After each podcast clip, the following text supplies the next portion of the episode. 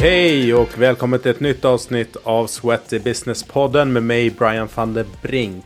Online coaching har varit ett stort tema under pandemin. Nu när vi rör oss i en postpandemisk period så blir det intressant att se hur det här kommer spela ut och vilken roll det kommer fylla.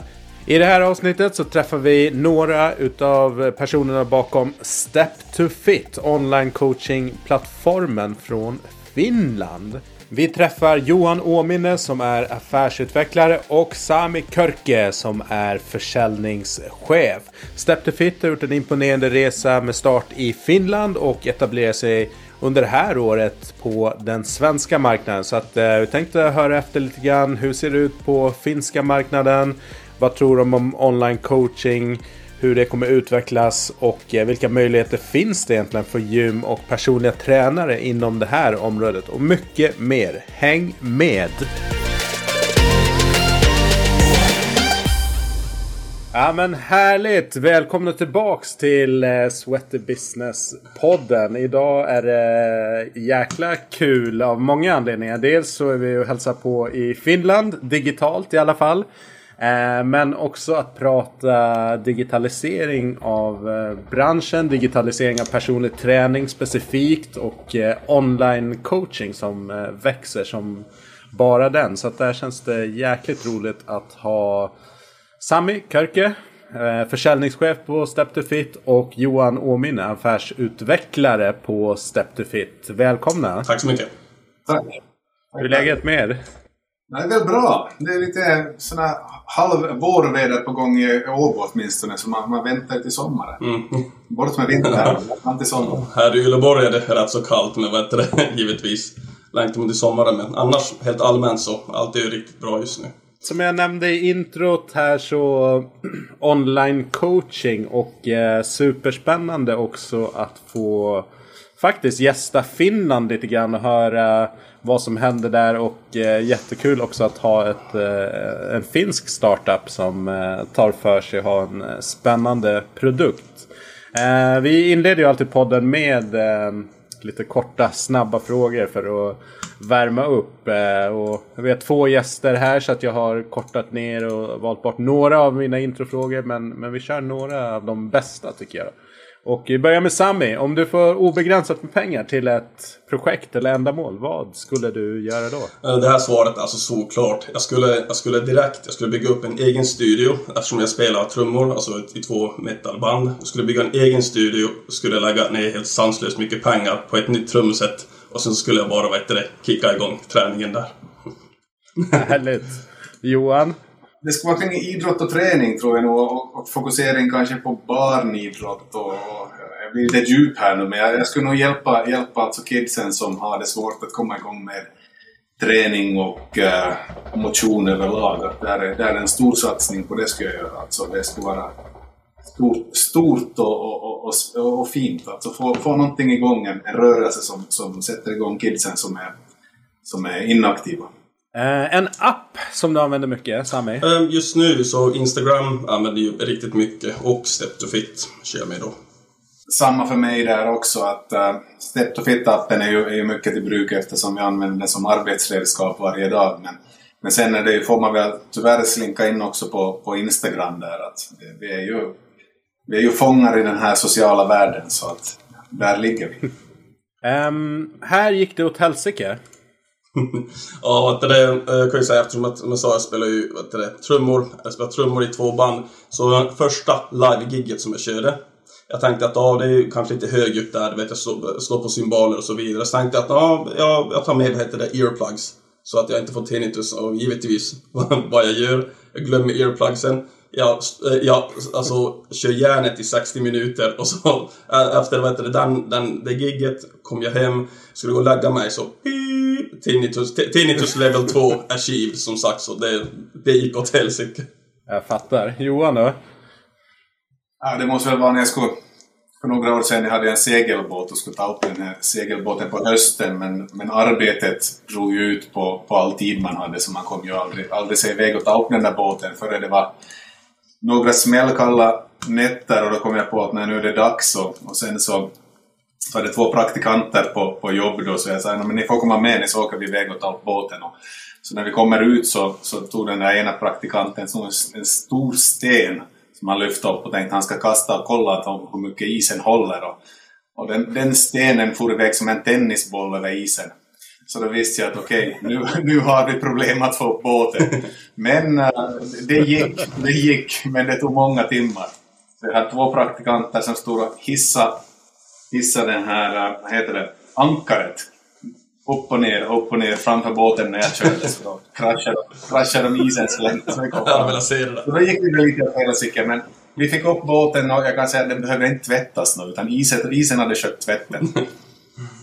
Ja, herregud. Ja, kul. Jag drar mig till minnes själv en eh, liknande story. Jag är uppväxt på Gotland och på vintern där så blåser det jävligt mycket. Eh, så jag och en kompis sticker ner i hamnen och så finns det en lång, lång brygga eh, precis bredvid hamnen som går en bit ut i, i havet. Så jag skulle göra samma sak. Det var lätt istäcke. Ska slänga en, eh, en stor jäkla sten liksom för att verkligen spränga isen. Och självklart, jag halkar på bryggan. Stenen landar på bryggan. Jag hamnar i vattnet. Och sen eh, de som har varit i Visby och man ska liksom tillbaks in till stan så måste man cykla som vi gjorde då. Eh, cykla upp för ganska branta backar innan man ens är i närheten av att komma hem. Så det var en, det var en kall cykeltur. Ja. um, men era bästa tips då för att återhämta er? Vad gör ni? Alltså, I den här ordningen, jag tycker faktiskt att först är sömn, ta hand om att och såklart sova tillräckligt och sen kosten. Och efter det kanske ett specifikt specifikt träningsupplägg för vet du, individuella kunden då, eller sig själv. Men i den ordningen att man först fokuserar man på sömn, kost och sen så träningen, att det går i den ordningen. Det är de simplaste tipsen som man kan säga. Nej, där, där håller jag med, med Sami helt. Att det, det är för mig också. Sömnen, sömnen är viktig och desto mera, mera år det kommer på mätaren så desto mera sömn tycker jag man behöver. Och, och sen det här med rutiner, alltså att, att ha vissa rutiner för att, att få återhämtning, att man inte släpper på sina rutiner, för det är då jag känner också att, att återhämtningen inte sker när jag, när jag här tummar på mina rutiner. Men när sömnen, kosten, träningen och, och sen mentala träningen är den, den som, som jag håller fast vid. Mm, bra.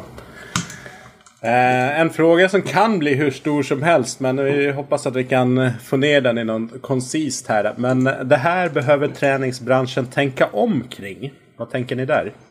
Jag, jag tänker ju som att, att uh, pandemin som har varit de här senaste åren så har ju gett stora utmaningar för träningsbranschen men den har också gett stora möjligheter och, och här är ju som många olika affärsmöjligheter och affärsmodeller har växt fram under den här tiden. Så jag tror man behöver bredda affärstänket också inom träningsbranschen. Att hur kan vi tjäna våra kunder också utanför träningsanläggningen? Att finns, det, finns det möjligheter då genom att man har en, en digital plattform att, att stå på, att man kan kommunicera med sin kund, men, men också att vilka typer av, av tjänster vi tillför. Att hur ska vi locka in de kunderna som är inaktiva, för vi vet ju det är kring en 10-20 procent av befolkningen som använder sig av, av de här uh, kommersiella tjänsterna inom, inom träningsbranschen. Så vi, vi, har ju en massa människor där ute som inte använder sig av tjänsterna. Det kan ju hända att de motionerar, det kan hända att de rör på sig, men att,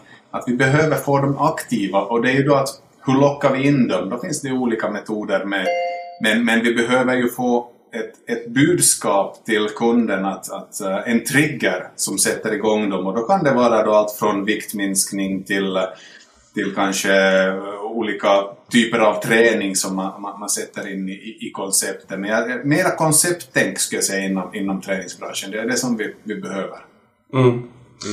Det är riktigt bra det där. Men vad heter det? Alltså, jag tycker själv att träningsbranschen skulle kunna kanske fokusera med ännu mer på alltså, mångsidig coachning. Och att man fokuserar på den här alltså, psy psykiska delen av coachningen, det vill säga kundkommunikationen. Alltså den är, den är superviktig och när man, när man har en kund så att man alltså skapar, skapar behovet och verkligen alltså att man visar att man bryr sig om kunden. Man diskuterar vet, hur har träningen gått? Ifall, kund, ifall kunden har något problem till exempel eller träningen har inte gått så bra så dyker man in i den där diskussionen och så pratar man varför har det gått dåligt? Är, är allting okej? Okay? Att man verkligen alltså, vet du, fokusera på den här psykiska delen. Att det inte bara är träning, eh, kost. Har du gått ner i vikt den här veckan? Ja, minus, minus 0,5 kilo. Yes, bra. Nästa vecka samma sak.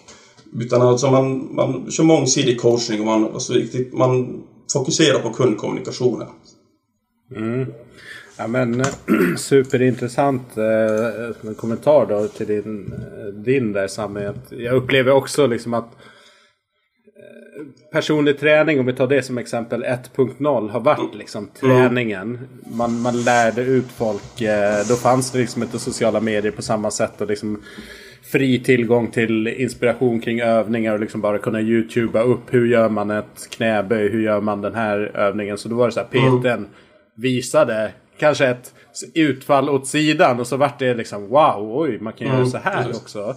Ehm, till att bli lite mer avancerat och kanske nästa nivå är just den här och kanske där folk kommer vara beredda att betala egentligen för PT-tjänsterna på riktigt. Att den här mentala coachingen, helhetsdelen. Mm. För att duktiga tränare som kan alla liksom, övningar och kan bygga jättebra program och hela det, det finns det ganska gott om. Men jag, jag upplever att det finns kanske färre som är riktigt duktiga på den här people skills. Eh, och möjligen också att det, det kanske ställer lite krav på att man behöver utbilda sig inom kanske områden mm. som inte traditionellt PTs utbildar sig om. Det kan, beteendevetenskap Precis. och ja, liksom, eh, den typen av grejer. Så att det är lätt kanske att hamna i lite djupa vatten där. Att man ger tips och råd fastän man egentligen, man egentligen inte vet vad man är inne på.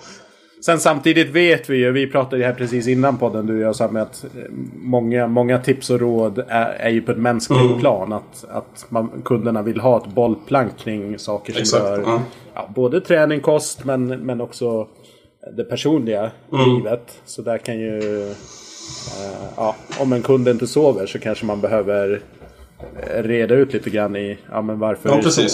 så. Uh, och komma till, komma till botten med det. Ja, Ja men eh, affärsutvecklingsdelen Johan är ju superintressant. Det känns också som att pandemin också har eh, sparkat igång det här och det, det jag kanske personligen ser mycket av det är ju en förlängning av det man kanske redan gör eller har gjort på gymmen. Att man gör en digital variant av det. Det är liksom streaming av gruppträning, det är online coaching, PT och sådär. Vi är ju liksom fortfarande ganska early days skulle jag säga eh, kring det här. Eh, men, eh, men det blir intressant. Jag tror också som dig att liksom, okej okay, vad, vad, kan man, vad kan man göra mer? Vi har, eh, ja men vissa gym, gymkedjor har ju hundratusentals medlemmar. Så vad, vad, vad kan vi skapa för produkter och tjänster utöver det vi redan har idag som, som dels ger värde såklart till medlemmarna men, men som också ger oss en, en helt annan intäktsström. Mm. det är de där intäktsmöjligheterna som vi behöver se på där tycker jag. Att det är, som, det är massor av, av träningsanläggningar som producerar tjänster men, men eh, speciellt nu när man måste vara i, i fram, framledet, främsta ledet när vi, när vi öppnar upp igen. Att idag faktiskt så har det ju öppnats upp i Finland uh, alla gym på nytt. Vi har ju haft stora restriktioner här så nu är det ju som nu är det open, open doors, open house på varje, varje gym idag för att få in kunder. Så, så det är där jag tror vi måste vara i, i främre ledet att utveckla tjänster som vi vågar ta betalt för. Och som vi tar betalt för. Att vi inte, vi inte håller tillbaka med att, att uh, ta betalt för våra tjänster heller. Ja, nej men det är, det är intressanta tider. Jag tror ju såklart det här är en jättetuff eh, tid. Och vissa har ju fått eh, kasta in handduken. Men jag tror också att väldigt många verksamheter kommer komma mycket starkare och mycket bättre Eh, uppdaterade helt enkelt eh, inför att möta framtiden. Så att även om det var påtvingat med, med pandemin så har det också snabbat på mycket saker som förmodligen hade hänt över lite längre period men, men hade varit oundvikligt. Jag tror man behöver tänka som hybrid där också. Att man, man, klart man har ju sin basverksamhet men vad finns det som vi kan lägga till som, som ger mervärde för kunden och, och, och på så sätt inbringar också mera, mera den här pengar till verksamheten.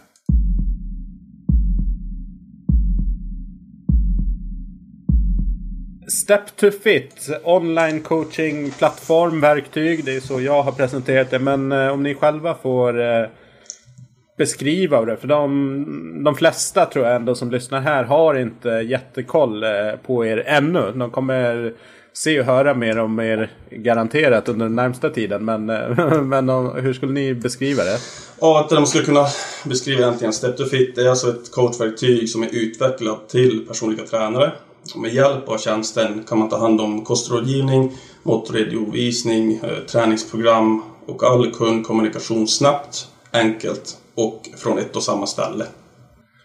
Och eh, hur liksom startade det? Vem, eh, vem ligger bakom? Att det är våran CEO som har skapat eh, coachverktyget år 2017, heter då Jani Rajala. Och eh, han, Jani Rajala såg då ett behov för alltså ett coachverktyg som såklart sparar tid men eh, vi vill verkligen fokusera på den här användarvänligheten och att det innehåller kosten, träningen, kundkommunikation.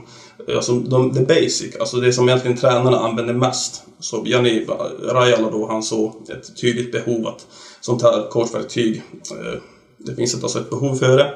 Och så vad heter det, därifrån han skapade, 2017 skapade i första versionen.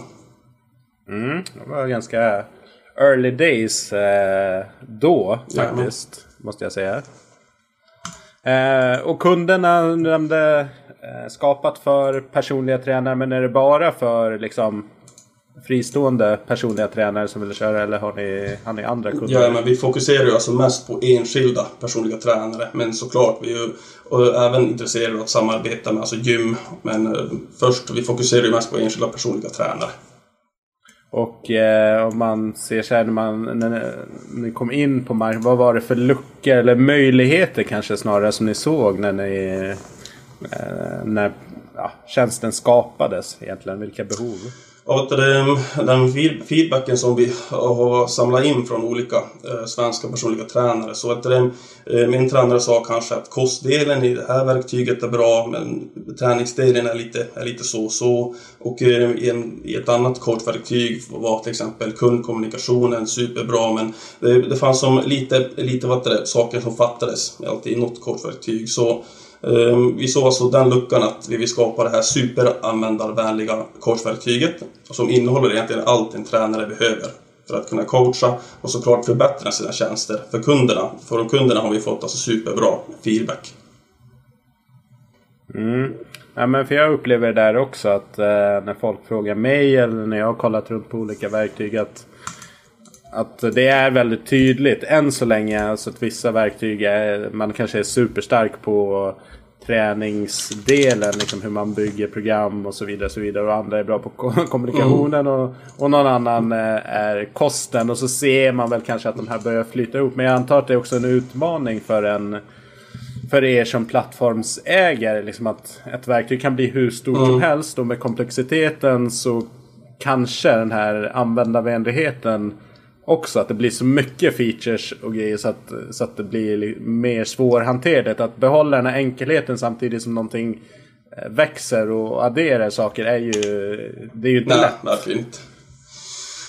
Vi får, vi får ju alltid komma tillbaka till det här att vad, vad, är, vad är grundbusinessen i, i verksamheten och till vilket ändamål är appen eller det här verktyget byggt? Så när man kommer tillbaka till det vad det handlar om, att det är byggt för tränare, för personliga tränare att sköta om kommunikationen och träningsprogram, kostprogram för sina kunder. Det är grundstenen att stå på. Sen har vi också, man kan sköta small group training i verktyget, att du kan kommunicera med gruppen. Inom gruppen kan de här deltagarna kommunicera med varann genom verktyget eller genom den här eh, meddelandetjänsten. Och eh, det är en sak som har fått väldigt väldigt bra feedback att vi har den funktionen också i, i, i det här verktyget. Mm. Jag kan också tänka mig att eh, det vet jag ju själv som användare som alla andra av liksom olika appar och digitala tjänster att man, man önskar väldigt mycket eh, features. Mm. Rätt mycket är säkert nice det här. Vissa saker kanske är uppenbart så här, men det här borde de faktiskt lägga till. Hur hanterar ni liksom de här uh, önskemålen och alla tycker säkert att deras önskemål brinner lite mer ja. än mer än de andra. Men att dels värdera, okej okay, vad, vad, är faktiskt need to have eller vad är mer en sån nice feature och hur hur hanterar ni liksom den, den inkorgen av förfrågningar som kommer? Ja, men du, vi lyssnar ju på all feedback och vi frågar ju allt och jämt, jämt från gym och tränare frågar feedback. Och sen så när vi får, får ihop tillräckligt mycket feedback för till exempel en feature för kostdelen så givetvis så kör vi in den uppdateringen. Det är givetvis, eh, folk har ju olika eh, önskemål. Kan vi lägga till det eller kan ni byta färg på den här knappen? Men såklart, vi vill ju eh, lyssna på feedback och så, så många, många tränare som möjligt vet det, skulle kunna få, få vad heter det, önskemålet igenom där. Men vi följer feedbacken och efter det så gör vi, kör vi in uppdateringarna. Om jag frågar då, era största utmaningar så här på kort eh, sikt, vad skulle ni säga om det? Ja, de utmaningar som vi ser för tillfället är ju, vi diskuterade det här med Sami tidigare också, att vad har vi faktiskt, vad har vi egentligen för utmaningar? Och det är förstås, försäljning är alltid en utmaning. Att nå ut till så många personliga tränare och träningsanläggningar som möjligt med våra tjänster. Men vi, vi har sånt bra drag på för tillfället och stort intresse bland, bland svenska, svenska PT och, och, och träningsanläggningar. Vi har hittat bra samarbeten genom olika samarbetspartner i Sverige som vi har nått ut till, till massor av anläggningar och massor av PTn. Så jag skulle säga väl det att vi, vi, vi jobbar på i, i, i den takten som vi jobbar och det som jag kan tänka mig blir en flaskhals här framöver är ju att vi kommer att få så mycket förfrågningar att vi, vi hinner hantera alla, alla utbildningar och in, in, jag ska säga uppstart av nya kunder. Det är det som kommer att vara kanske den stora utmaningen. Mm om jag kollar på mitt Instagramflöde, nu känner jag ju många tränare så det blir liksom inte riktigt rättvisande. Men det kän känslan är att alla är online, alla tränare, vilket de såklart inte är. Men har ni någon uppfattning om, eller en känsla för hur många procent av tränarna som, som har gått online på ett eller annat sätt? Mm, det är ganska, ganska svårt att säga men alltså väldigt få tränare i alla fall att i Finland så har börjat köra bara online. Men det är många som kör den här hybridmallen. Det vill säga, de kör fysisk PT och så kör de lite online coaching samtidigt. Eh, ja men eh, pandemin då, den eh, måste ju ha... Mm, den har ju påverkat alla verksamheter. Sen eh, i vissa har ju fått ett rejält uppsving, andra har haft eh, lite tuffare. Hur har ni upplevt eh, pandemin? Hur, eh, liksom... Återigen, pandemin har egentligen alltså påverkat vår försäljning alltså superpositivt. Eftersom att det är många tränare som, eh, som behöver luta mer åt den här online-coachningen. Och eh, de behöver ett coachverktyg som är superlätt att använda. Om de till exempel har, har det, många kunder och de vill spara tid så heter det, mm, vi har, alltså det har påverkat vår försäljning som sagt positivt. Och jag tränar också. Det är ju därför många, många som tar kontakten och vill eh, starta vår tjänst eftersom det är så lätt att använda. Men sen så innehåller det, allting, det innehåller allting som egentligen de, som de behöver också när de kör sina fysiska, fysiska PT-kunder. Så att det, har, det har varit positivt för oss. Jag förstår det. Eh, och sen är ju frågan eh, som en del av okay, vad händer efter pandemin? Tror ni liksom att det här det här är arbetssättet, det här för att stanna och kommer växa eller kommer det klinga av? Vad är liksom spådomarna hos er?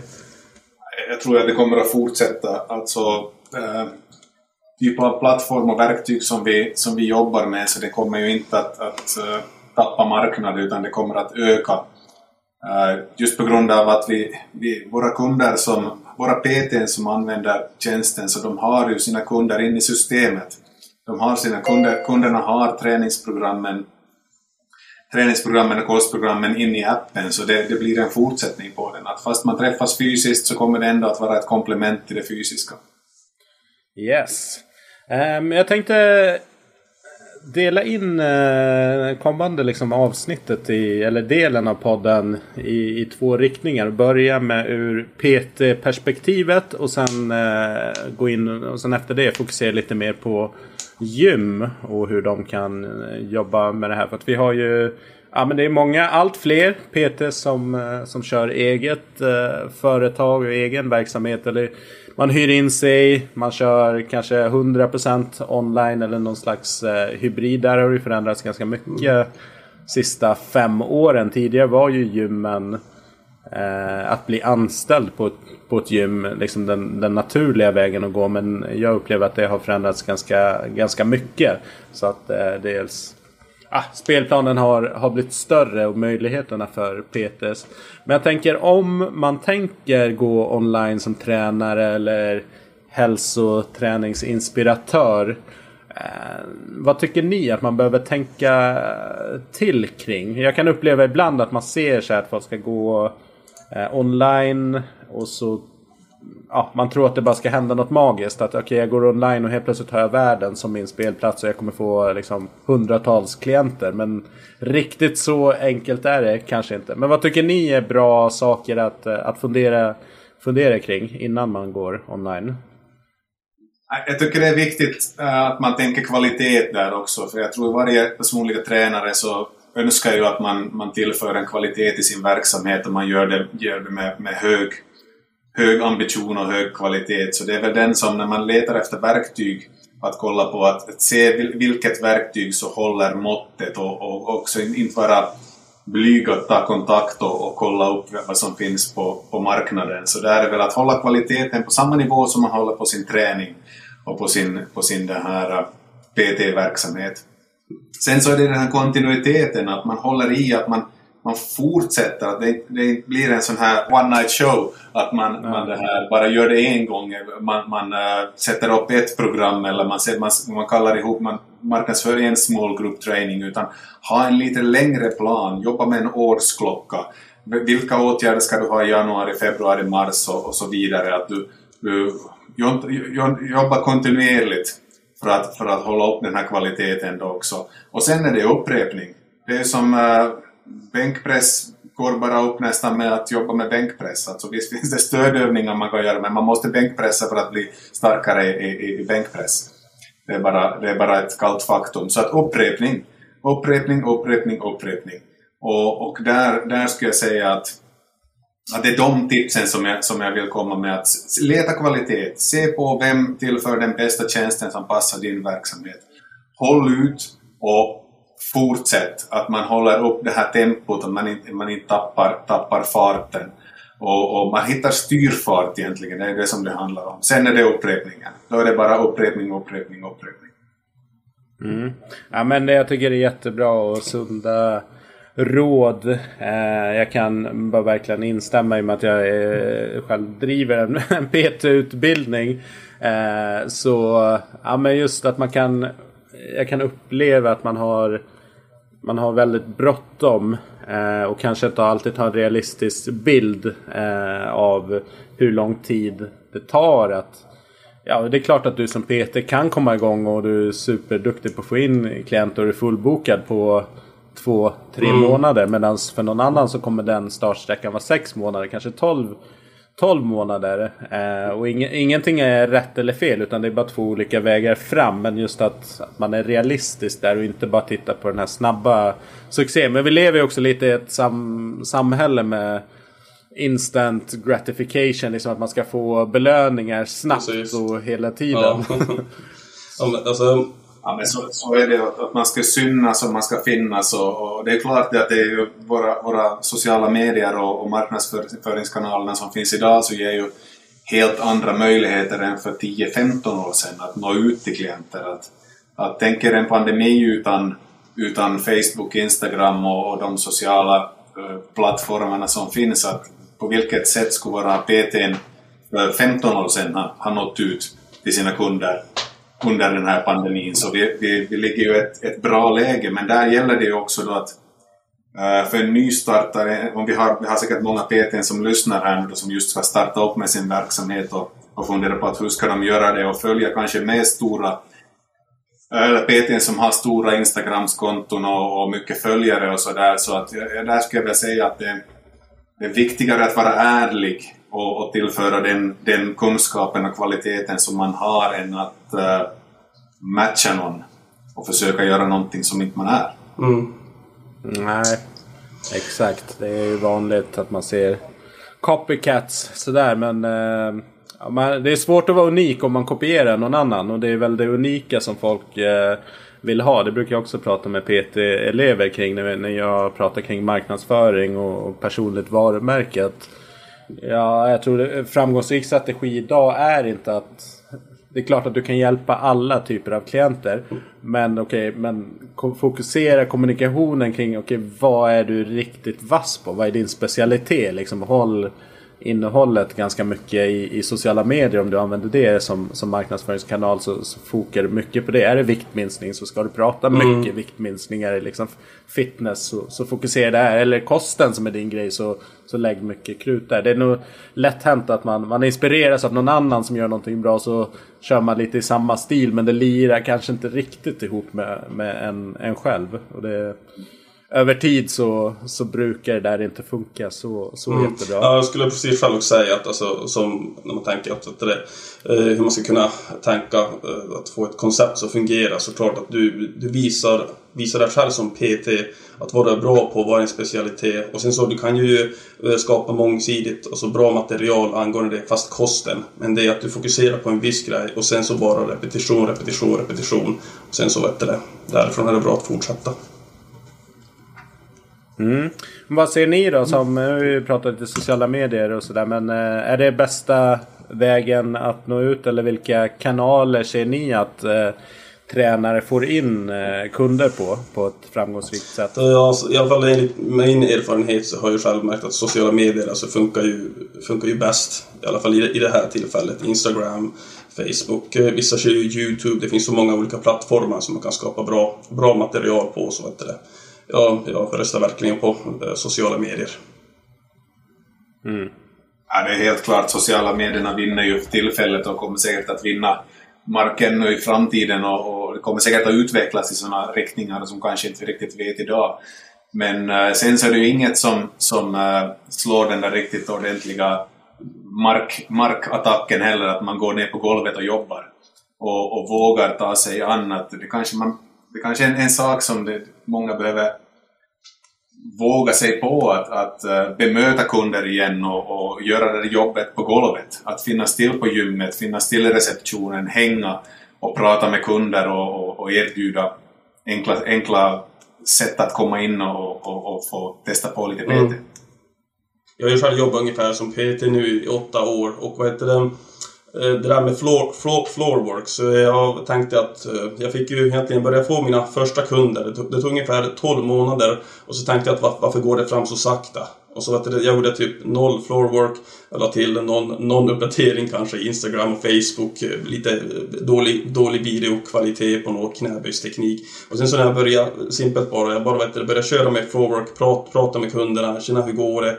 Kan jag hjälpa till? Att du kör, du kör lite sånt floorwork. Så jag har märkt att Sen så eh, nästa år, de första typ 3-4 månaderna, fick jag säkert alltså, dubbelt dubbelt upp av att nya kunder som jag fick från förra året och det var bara inom tre månader. Så jag tänkte att det är någonting, någonting som fungerar, till exempel det här med floorworket som Johan nämnde. Så jag tycker verkligen att det ska man satsa på. Lyga killar dansar mm. inte. Nej. Nej, man måste våga lyga. ja men så, så är det. Nej men the brilliant basics. Liksom den här att, att träffa människor face to face Om man nu jobbar eh, fysiskt på ett gym eller en träningsanläggning där man har till. Alltså det, och det är ju det är kanske också där att vissa har svårt med det här att spontant eh, kommunicera med folk och liksom vara, vara lite om, om sig och kring sig. Och, och, vi, och några har superlätt för det. Och det är oftast de som kanske kommer igång väldigt snabbt och mm. får upp en, en kundbas. Mm. Sen, sen kanske inte uthålligheten alltid är 100% men, men det där floorworket är ju eh, superviktigt. Och jag tror också en väg in för många att konvertera traditionella fysiska PT-klienter till att börja, ja men de kanske får kompletterande program och så vidare online och sen, och sen är man igång. Liksom. Så att det är, det är lite av en, för många tror jag, en, en bas in i den digitala världen.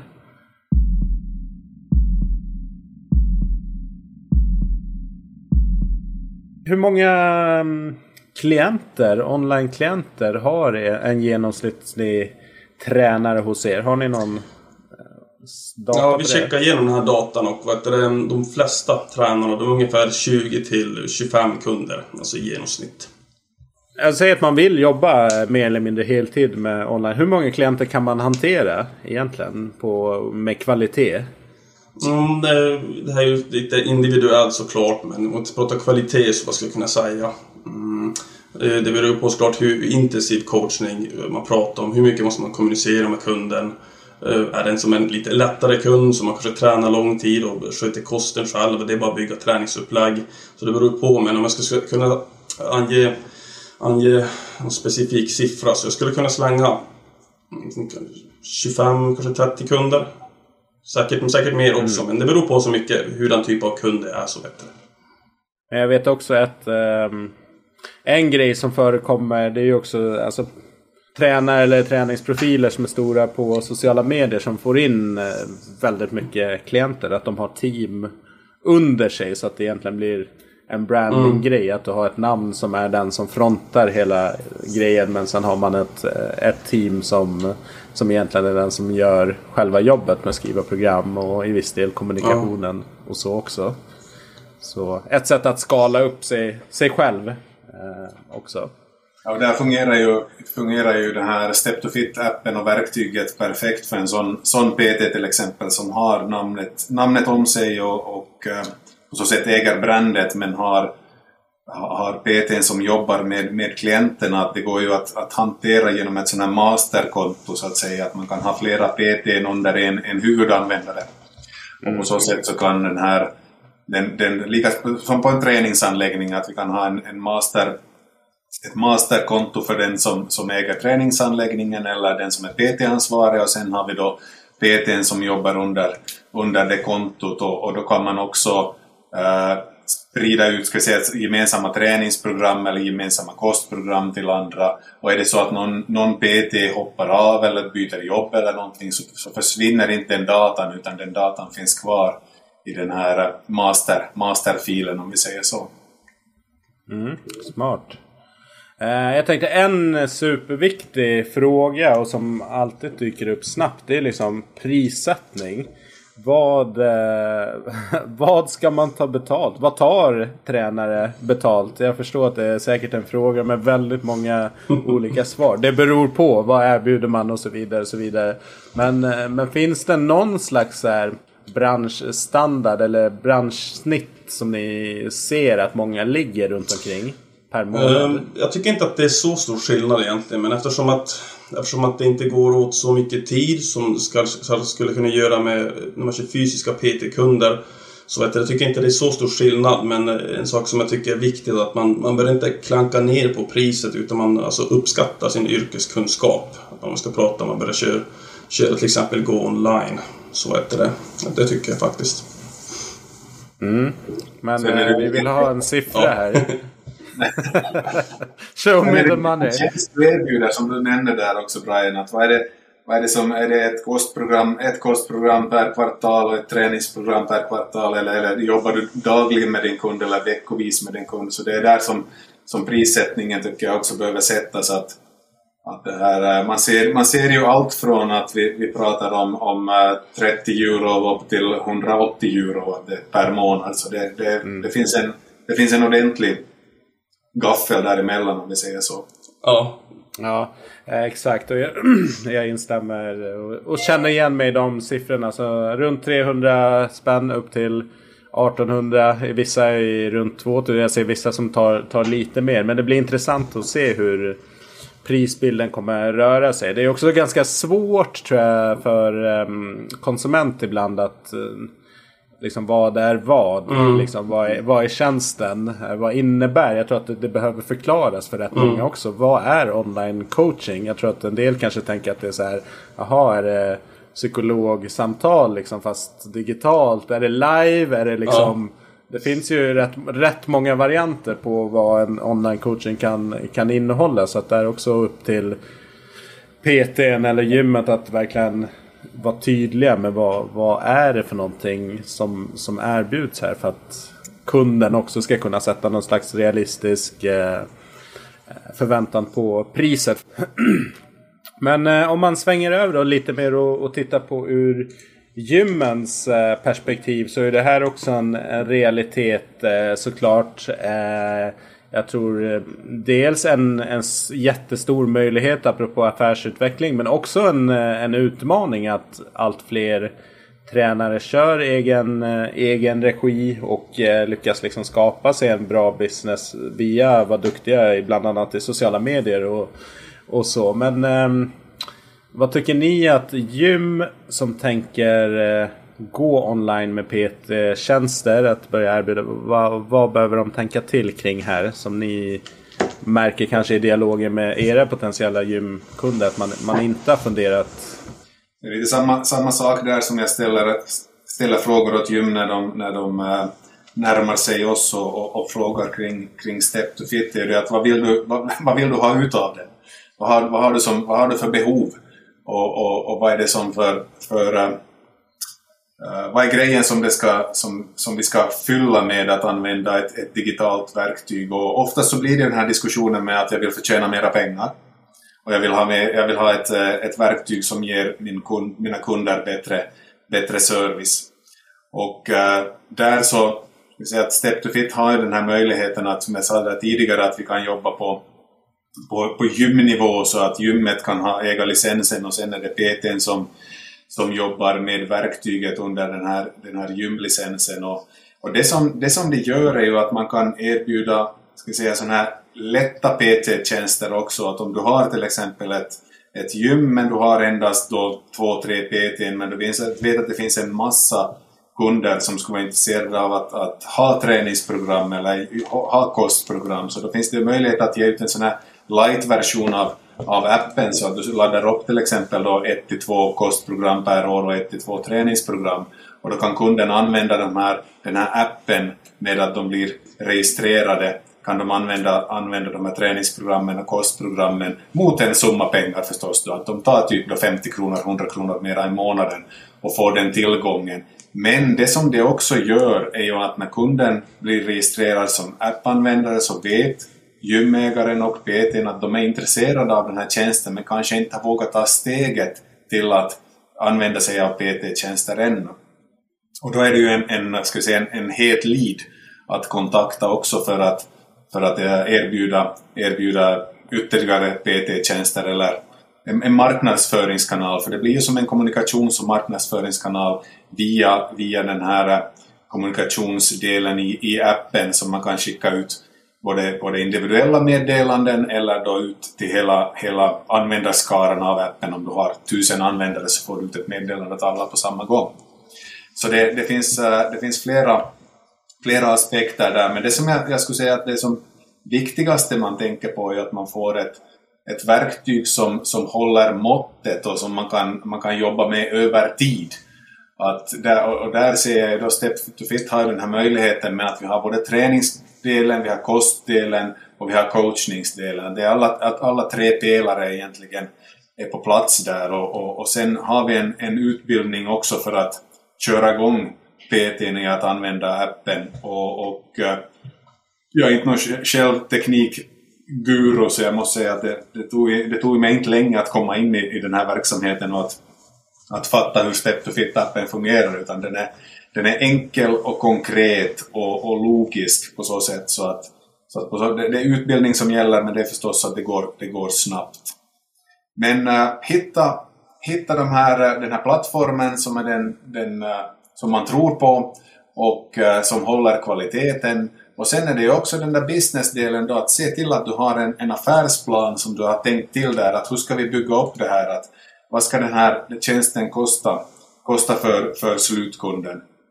Och eh, på vilket sätt kan vi använda eh, den här digitala tjänsten också som i marknadsföring och i att eh, inbringa kunder från att ha varit kanske digitala kunder.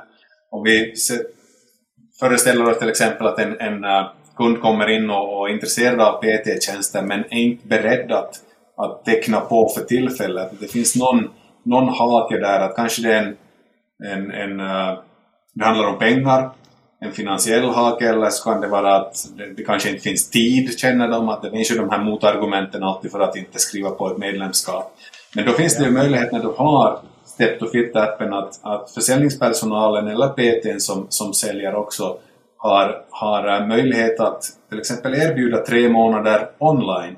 Ja, men vi har den här Step to Fit-appen att du får tre månader då för till exempel 300 kronor. Bara testa på. Där ligger ett träningsprogram och där ligger ett kostprogram. Gå in och testa och känn på hur det känns. Och då har du direkt en kontakt med kunden och du vet att den är registrerad, och du kan kommunicera ut meddelanden.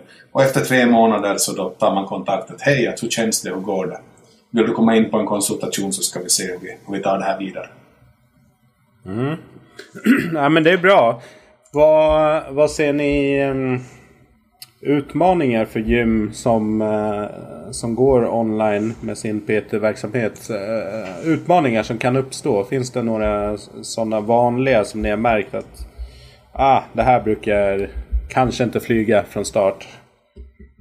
Eh, jag skulle säga att det är då de som inte committar sig att göra det ordentligt. Utan de tror att det här ska vara ett, ett, ett verktyg eller en, en tjänst som gör att det flyger av sig självt. Så vi vet ju det att det, det är som på samma sätt med, med, med, all verksamhet att det gäller att man sätter sig in i det och att jobbar med verktyget för att komma igång. Och sätta en plan också för att hur ska vi lansera det här? Uh, hur sitter det i, i vår egna marknadsföringsstrategi och marknadsföringsplan? Och, och många gånger det kanske inte finns sånt heller utan man, man det här då brukar jag hjälpa till med också att ta fram en, en liten en, en, ska vi säga, en, marknadsföringsplan att kicka igång verksamheten med att hitta, hitta de första kunderna och, och, och komma igång med, med tjänsten.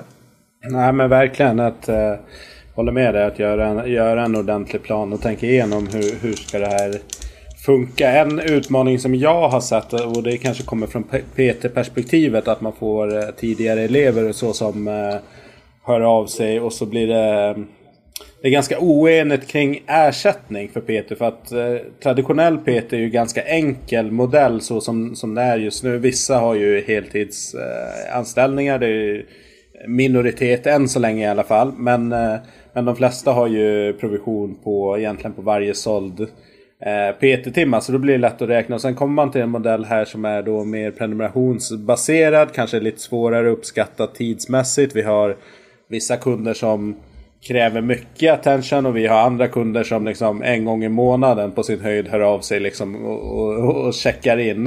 Eh, vad är liksom... Har ni någon insikt liksom i vad som, vad som är en bra, ett bra sätt att tänka kring hur man ersätter sina anställda tränare kring, kring online-delarna?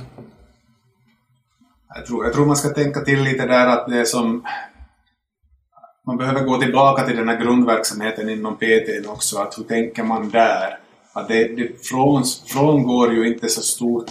Eh, det enda du gör, du träffar inte fysiskt den här kunden och du kan ha kanske flera kunder på samma gång som du sköter om eh, med samma träningsprogram eller samma kostprogram som vill, vill köra small group training till exempel via, via appen. Men att jag tror man ska, gå, man ska gå till den här grundverksamheten och se där också att den här online-verksamheten så skilja, ska inte skilja sig så mycket. För att om det, om det blir till det att vi, att vi inte kommunicerar med våra kunder, vi ger inte online-kunderna den service som, som eh, den här fysiska kunden får, så tror jag vi kommer att tappa kunder online. Att det är mm. viktigt att hålla upp den här, den här servicenivån på samma nivå. Ja, kanske till och med kommunikationsskills, både skrivet och faktiskt videomeddelanden och, och klassiskt liksom att prata, att det ställs högre krav. För att du, ska du skriva någonting, beskriva någonting i text så kräver det att du har ett visst språk också som, som kunden kan mm. förstå. Om du träffar en kund live så kan du säkert komma undan lite mer på vara en skön person och man, man har sin liksom jargong tillsammans med klienten. Men så helt plötsligt ska du kommunicera, kanske ett videomeddelande eller du ska kommunicera i, en, i skrift eller, eller på telefon så ställer det ganska, ja ibland höga krav eh, på, att, på att kunna uttrycka sig på, på ett sätt som folk förstår och som eh, jag upplever också det här att man engagerar folk i och med att det finns en distans att man inte ses och får den energin mm. när två människor träffas utan man måste skapa den energin digitalt. Mm. och det går ju att skapa men, men, men det kräver ju också sin, sin skill att kunna förmedla det på mm. ett annat sätt. Ja, det där är också strategiarbete från, från management-sidan, ska vi säga, gymägarna som att, att vad, är, vad är strategin för kommunikation med våra kunder?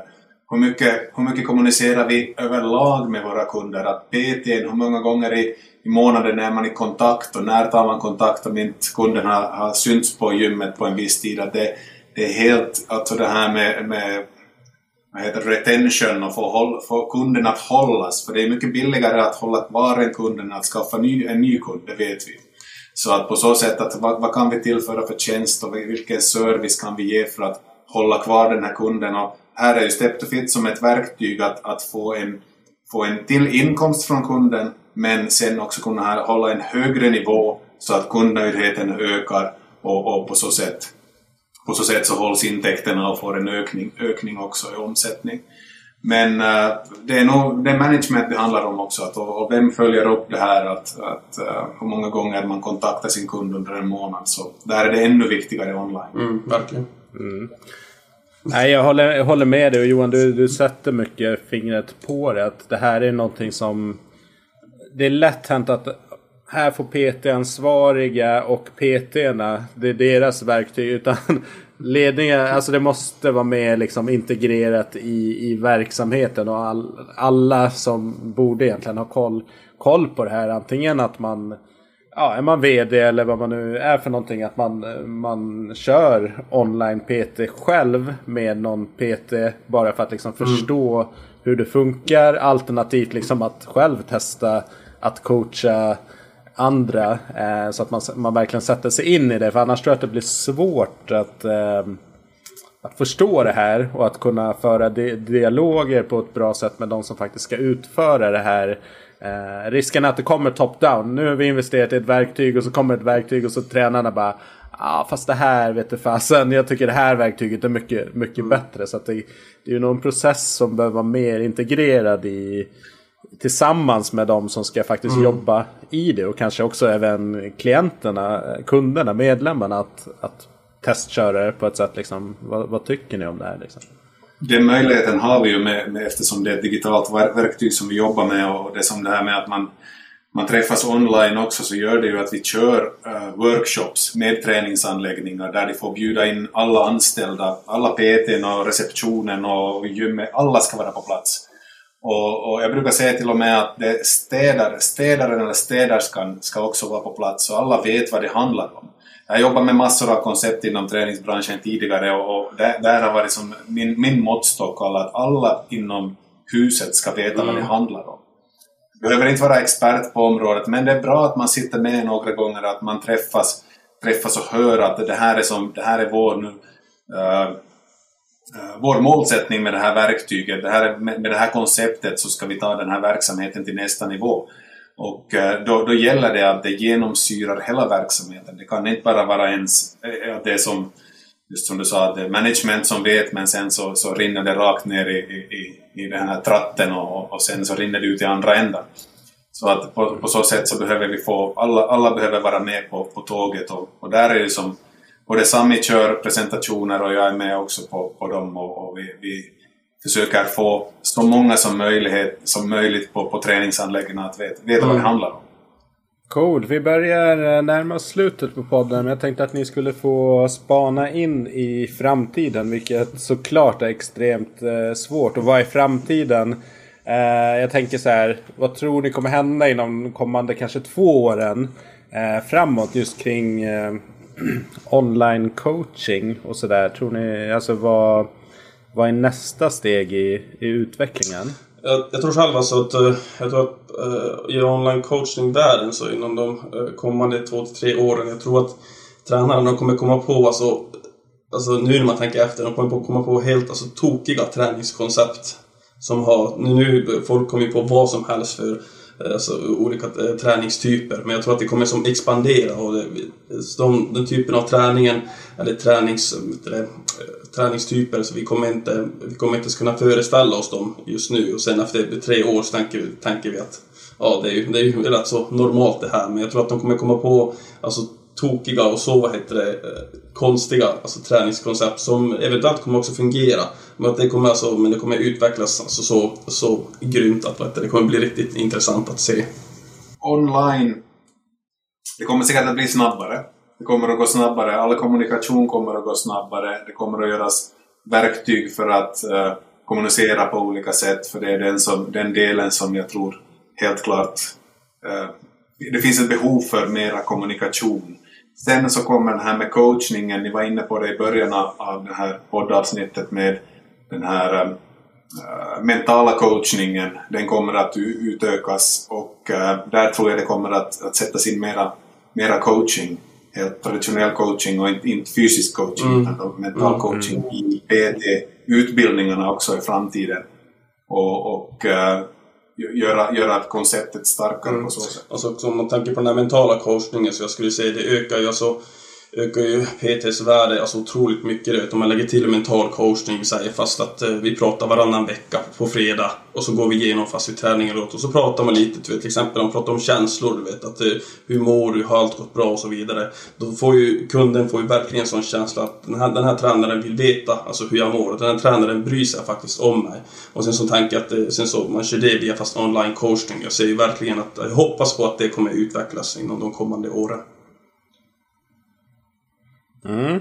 Ja, det blir spännande att följa. Jag är helt säker på att ni är på, på eh, allting rätt. Att det kommer vara, vara en mix. Vi har ju sett mycket ja, men, intressanta koncept som har kommit och gått i, i, i träningsbranschen. Så varför inte nu när eh, mediet är annorlunda att, att det då kan, kan skapas helt eh, otroliga eh, saker som, som driver på. Och jag tror också kan få fler, apropå det du var inne i början Johan, hur kan vi få fler eh, engagerade? Hur kan vi nå fler egentligen med våra tjänster? Om, om då 10 till 20-25 procent är intresserade av att komma till ett gym så finns det ju jäkligt många som inte kommer till ett gym. Säkert som är intresserade av olika typer av tjänster och, och hälsa och så. Det betyder inte att de inte rör på sig. Men de är inte attraherade av olika anledningar av det vi erbjuder. Eller kan ta del för att man kanske bor på något ställe eh, där man inte har access till kommersiella gym och så. Mm. Så det finns ju bara enorma möjligheter med det som, som växer fram här. Uh, hörni, vi ska avsluta.